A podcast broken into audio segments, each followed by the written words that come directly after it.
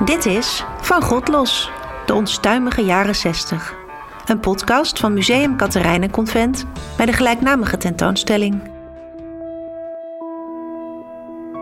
Wat maakt geschiedenis? Zijn het de historische namen of de gezichtsloze massa's? De grote ideeën of de kleine details?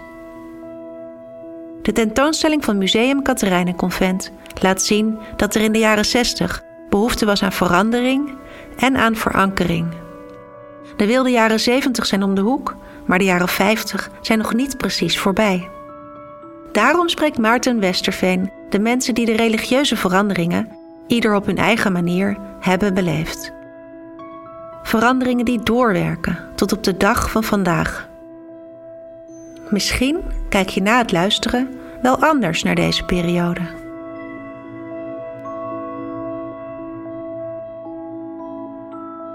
Bij de jaren 60 stellen we ons al snel de 60s voor. Wild, radicaal, misschien zelfs een tikkeltje goddeloos. Maar zover dat beeld überhaupt al klopt, kwam die revolutionaire energie niet zomaar uit het niets. Bij het zoeken naar nieuwe vormen van denken en doen gebruikte men veelvuldig de taal en begrippen die er al waren. Veel van wat later radicaal zou blijken was aanvankelijk geboren uit de wens om het oude geloof van nieuw eland te voorzien. In deze aflevering spreek ik met drie mensen die zich met die zoektocht hebben bezighouden.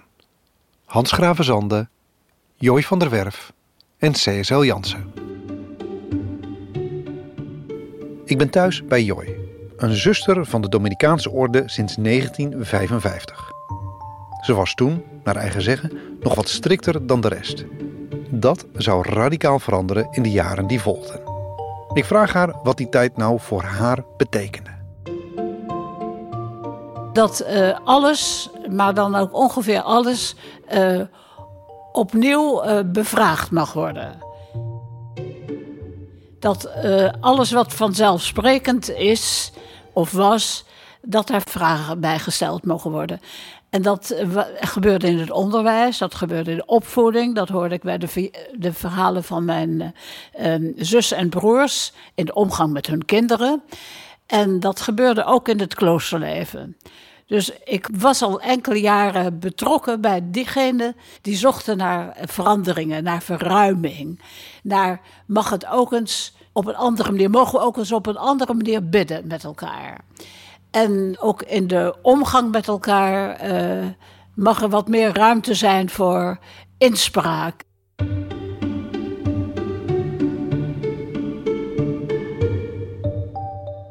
Hoe spannend deze ontwikkeling ook was, voor de meeste mensen in Nederland speelde dit nog nauwelijks. Dat gaat zeker op voor mijn tweede gast, CSL Jansen. Chris voor Intimie.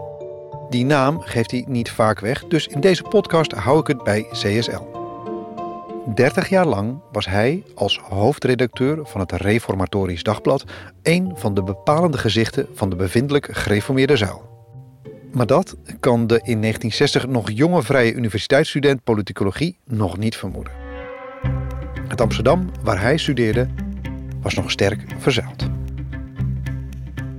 Op 1 mei had je bepaalde wijken, dat was van de Socialistische Woningbouwvereniging, hingen de rode vlaggen uit. En met de verkiezingen had je ook heel duidelijk wijken uh, waar de, de KVP-biljetten hingen achter de raam in die tijd presenteerden veel mensen natuurlijk nog hun voorkeur uh, door middel van een aanplakbiljet aan het raam. Of wijken van de, woningbouwvereniging Patrimonium, dat was vaak AR.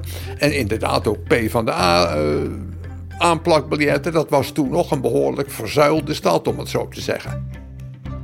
Er was natuurlijk van ouds al wat in zo'n grote stad en het gemeentelijk beleid anticipeerde daar ook wel op. in Amsterdam-Noord werd gebouwd tussen de, twee, eh, tussen de wereldoorlogen. En er werden ook een beetje de asocialen heen gestuurd. En dan was de gemeentelijke strategie. Als er heibel komt, dan nemen we de eiponten uit de vaart. En dan kunnen die mensen in ieder geval niet naar Amsterdam komen. Nou, tegenwoordig is er een tunnel, dus dat gaat niet meer zo goed. Maar toen werd er zo geredeneerd.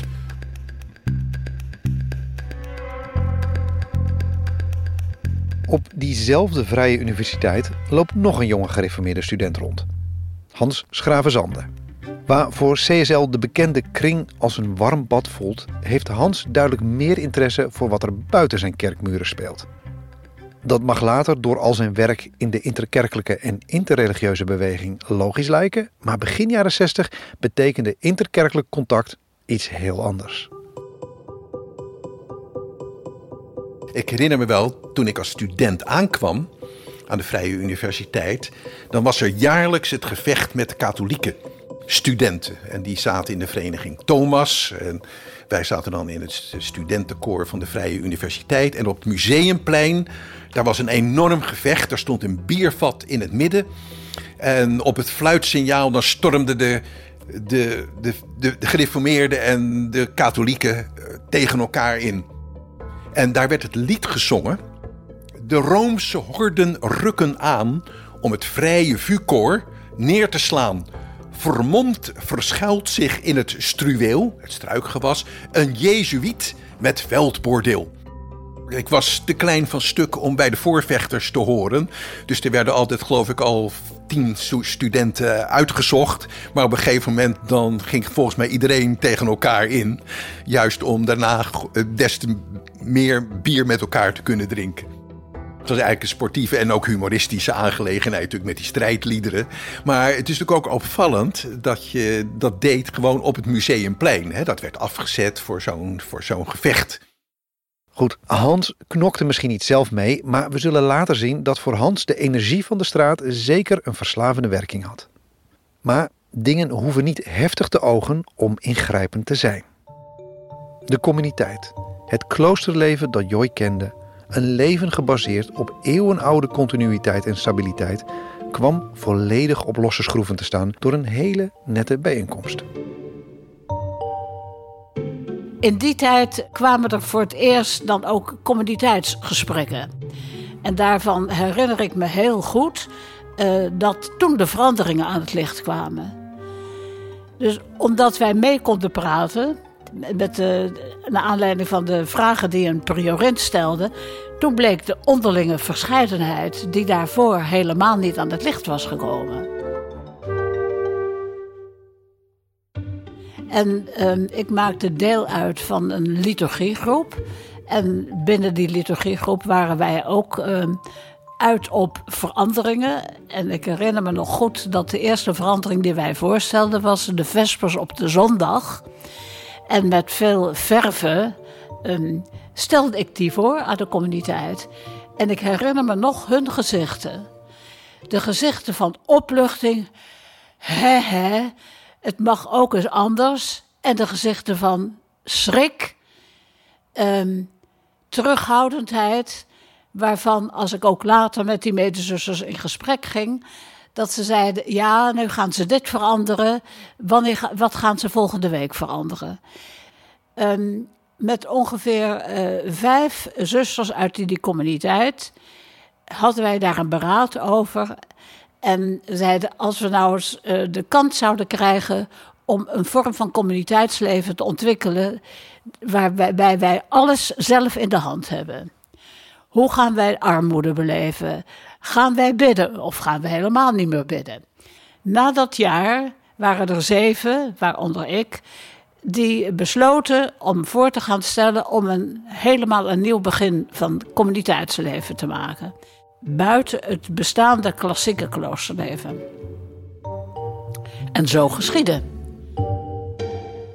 De argwaan die Joy in de ogen van sommige van haar zusters waarneemt, werd gedeeld door C.S.L. Jansen. Voor hem was zijn latere werk als hoofdredacteur van het RD en het vertegenwoordigen van de reformatorische zuil een noodzakelijke taak. De happenings, de protesten en de progressieve agenda vielen allerminst in goede aarde. Het werd tijd voor de zuil om zich te weren. Eén specifiek historisch moment maakte dat voor hem helder. Dat is de maagdenhuisbezetting geweest. Dat was, dacht ik, in 68, 69, 69, ja. Toen was natuurlijk toch een tijd lang uh, de stad toch wel, uh, daar stond in het teken daarvan. En natuurlijk ook uh, rond 66 met de bruiloft van Beatrix en Klaus. Toen is ook de burgemeester van Amsterdam ontslagen, van Hal. Wat, wat, was precies hetgene wat, u daar, wat, wat daarop indruk maakte? Nou ja, dat natuurlijk toch de universiteit, het was het centrale bestuursgebouw, bezet werd, lamgelegd werd door een groep opstandige studenten. En dat toch ook weer niet de politie meteen de volgende dag ze bij hun lurven pakte en ze eruit gooide. Dat werd toch een tijd lang gedoogd. Ja, ik weet niet meer precies hoe lang, maar toch wel een aantal dagen. Dat ik zelf vond, dat kan ik me wel herinneren, van jongens, zo gaat het natuurlijk hier niet, zo hoort het niet te gaan. Die kerels moeten gewoon opgepakt worden en uh, ja, dat, dat, noem je geloof ik huisvredebreuk of lokaal vredebreuk. Je moet uh, niet in een gebouw zitten tegen de wil van de eigenaar. Ik ben toen in 69 wetenschappelijk medewerker aan de VU geworden. En daar hadden we toen daar toch wel mee te maken. Met discussies met studenten die meer greep wilden hebben op het onderwijsprogramma. Uh, die die nou, meer invloed wilden hebben op de gang van zaken, op de benoemingen.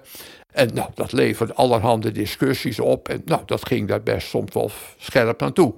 Kijk, een universiteit is natuurlijk geen lagere school. Je hebt met nou, volwassen mensen te maken. Uh, alleen, ja, het is natuurlijk wel zo dat ook bij de universiteit geldt dat uh, de docenten geacht worden kennis over te dragen aan de studenten. Als de studenten menen dat ze net zoveel weten als de docenten en de hoogleraren, ja, dan hoeven ze daar niet te komen. Dan zijn ze meteen per definitie afgestudeerd. En ja, je had natuurlijk in die tijd toch een sterke marxistische tendens onder de studenten. En dat leverde natuurlijk bij een, een in de sociale faculteit allerlei discussies op.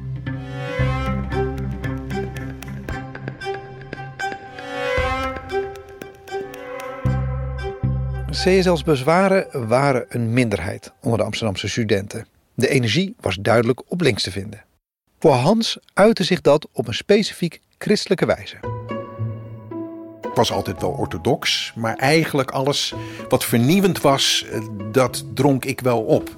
Maar ik was ook tegelijkertijd ergens wel, wel buitenstaander. Zowel de demonstraties en de happenings van Provo, daar was ik soms bij aanwezig. En ik had nog een nette regenjas aan en niet het witte jek van de Provo. Dus als de politie begon te slaan, eh, dan dachten ze die jongen met die regenjas, dat zal wel geen Provo zijn. Dus dan werd ik wel ontzien. Maar ik vond het wel altijd uitermate boeiend om, ja, laten we zeggen, om dat allemaal mee te maken. En ik heb nog steeds de nummers van Provo, die ik destijds gewoon op straat kocht, heb ik nog steeds uh, in huis. En het is echt opvallend wat daar dan allemaal gebeurde met het witte fietsenplan hè, het openbaar vervoer. Het witte schoorstenenplan tegen de luchtverontreiniging. Men vergeet vaak dat die groepen gewoon ontzettend belangrijke zaken aan de orde gesteld hebben waar daarvoor een taboe op was. Heel bekend is de happening met Koosje Koster. Dus een zus van uh, Koos Koster, de, icon-journalist die vermoord is in, uh, in El Salvador. Uh, en die was een keer bij een happening en zij deelde bij het lievertje krenten uit. Ik was daar ook bij en ik herinner me nog dat zij door de politie werd opgepakt in het politiebureau half uitgekleed omdat ze krenten had uitgedeeld. En als je nu iets hoort over die tijd, dan komt dat krentendelen van Koosje Koster en het optreden van de politie wordt altijd genoemd. Maar er waren dus ook gereformeerde VU-studenten die zich in, in die beweging uh, begaven. Ik denk toch ook dat het was, en dat is eigenlijk al vrij vroeg bij mij eh, aanwezig geweest. Dat is dat het geloof alleen wat betekent als het op de samenleving betrokken is. Dat kan ook, ook doorschieten, dat het alleen maar activisme is. Dus ik heb altijd geprobeerd politieke en het mystieke bijeen te houden. En ja, dan ging ik ook wel mijn eigen weg in. Maar ik wist dat als je het niet maatschappelijk vertaalde, dat je dan eigenlijk als christen ook uh, tekort schoot.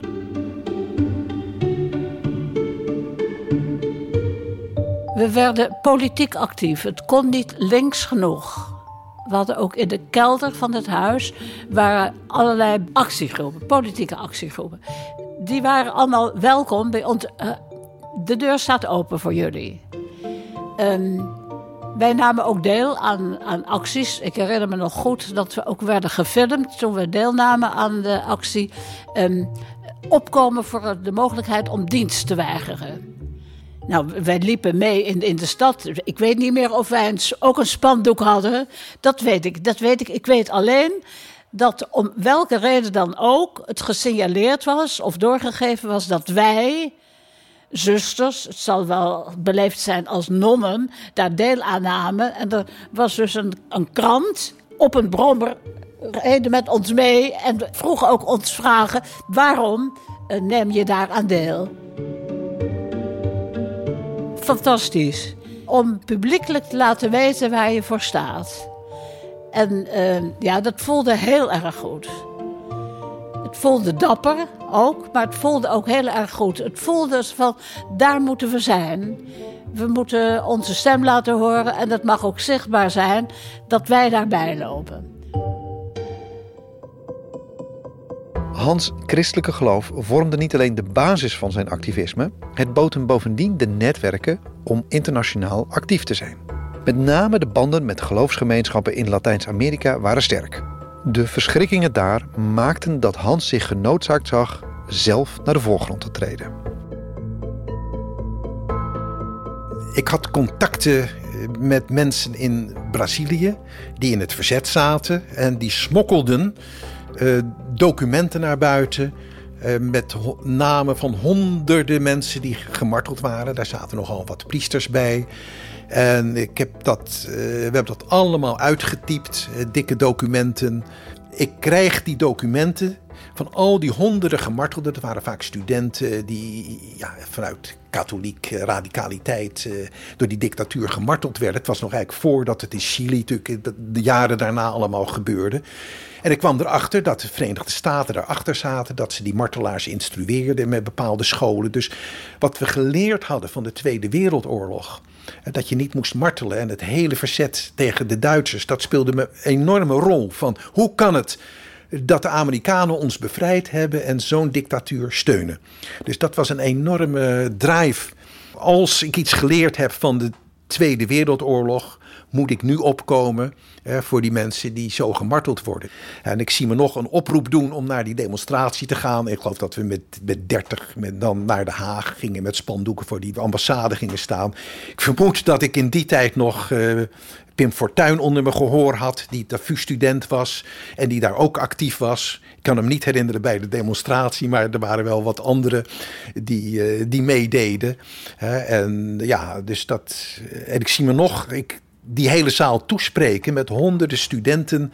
Van gewoon studentenvakbeweging hadden we dan. En ik zie nog de, mijn professor Nieuwe Testament binnenkomen. En ik sta er achter dat katheder en op te roepen voor die demonstratie. Professor Schippers was het. En ik zie hem daar zo sceptisch staan kijken achter in die zaal. En hem weer een beetje verstoord weglopend. Waar is deze student op uitgekomen om op te roepen voor een demonstratie voor een ambassade eh, in Den Haag? Ik ben eigenlijk een, een verlegen mens. Daarna denk ik, heb ik dat gedaan. En ik weet niet, misschien moet je dat genade noemen, maar het is ook niet iets waar ik, waar ik me zou willen beroemen. Het is eerder dat ik denk met grote verbazing terugkijk... hoe heb ik over die drempels heen kunnen stappen. Eigenlijk, zolang je nog lid bent van de kerk en je christen wil noemen... dan kan het ook eigenlijk niet anders. Het is gemakkelijk te vergeten dat de jaren 60 niet alleen linkse bewegingen voortbracht, maar in dat voortbrengen ook een tegenreactie baarde. De oprichting van het Reformatorisch Dagblad is daar een duidelijk voorbeeld van. De krant was een initiatief dat zich niet voor een enkele kerk of partij wil laten spannen. En niet alleen bestaat de krant na 40 jaar gesneuvelde bladen nog steeds, het is bovendien ook nog in eigen handen. CSL Jansen was 30 jaar lang haar hoofdredacteur. En hij praat niet graag over zichzelf, maar wel over waar de krant en zijn zuil voor en tegen moesten vechten.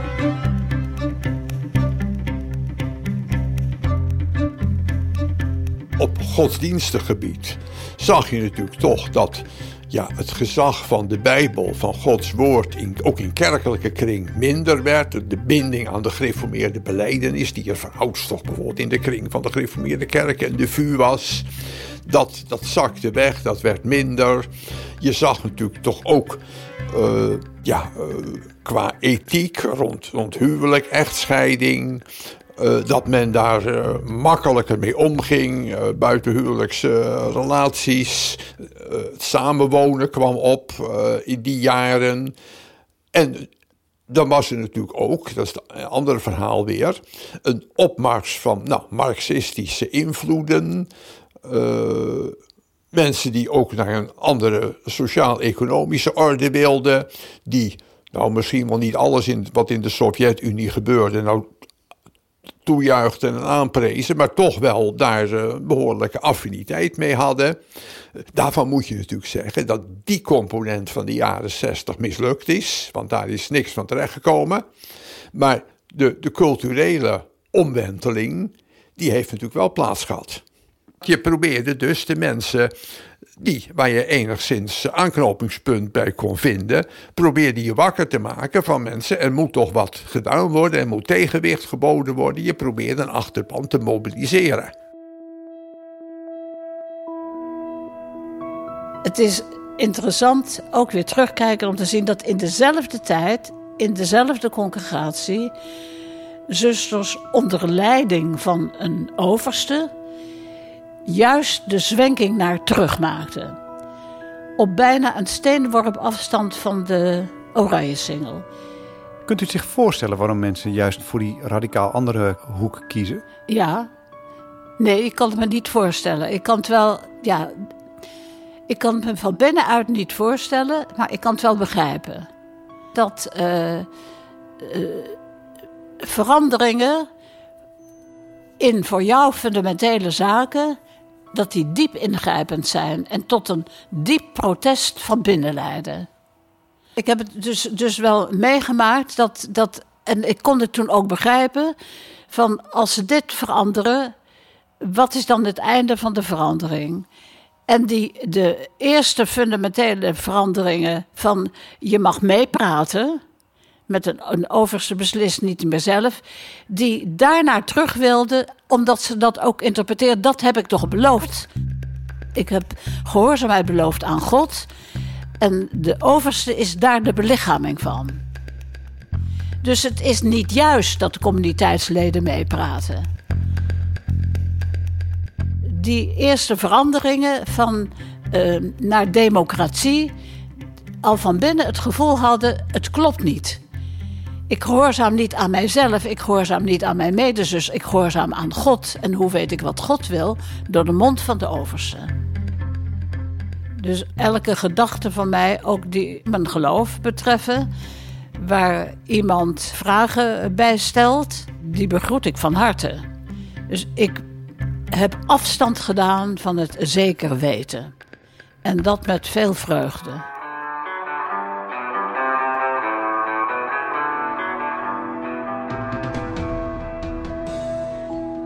Ik ben zelf geen kind van de jaren 60 en ken de periode vooral zoals de tekstboeken ze beschrijven. Grote bewegingen die door een demografische golf werden aangedreven. Maar wat ik hoor van de mensen die ik spreek is juist particulier. Een zuster die haar mond opent op een vergadering. Een student die zich gedwongen voelt om in actie te komen. Een ander die een hoofdredacteurschap krijgt aangeboden en daar wat mee wil doen. Die individuele benadering van wat we nu als geschiedenis kennen, zullen we ook in onze volgende aflevering tegenkomen. Als we kijken naar hoe de grote sociale ontwikkelingen zich achter de voordeur manifesteren. Deze podcast is ontwikkeld bij de gelijknamige tentoonstelling Van God los, de onstuimige jaren 60. Een productie van Studio Popcorn in opdracht van Museum Convent.